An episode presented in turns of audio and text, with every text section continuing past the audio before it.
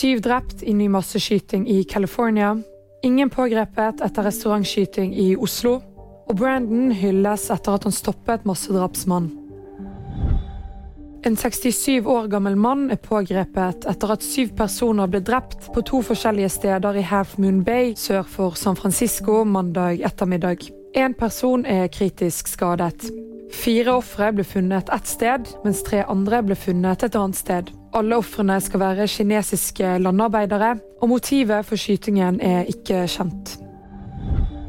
Ingen personer har blitt pågrepet etter at det ble avfyrt skudd inne i et gatekjøkkenlokale i Oslo mandag kveld. Det sier Stina Edelmann ved krimvakta til VG tirsdag morgen.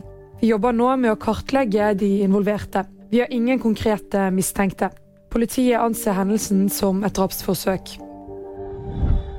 26 år gamle Brandon Tsai forhindret trolig at flere mistet livet etter masseskytingen i Monterey Park i Los Angeles søndag. 20 minutter etter at den mistenkte 72-åringen hadde skutt og drept 11 personer i et dansestudio, dro han videre til et annet dansestudio i byen Alhambra, hvor Tsai befant seg. I needed to get the weapon away from him. I needed to take this weapon, disarm him, or else everybody would have died.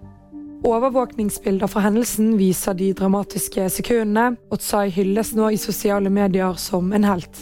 Og VG-nyheter fikk du av Hanne Sofie Andresen.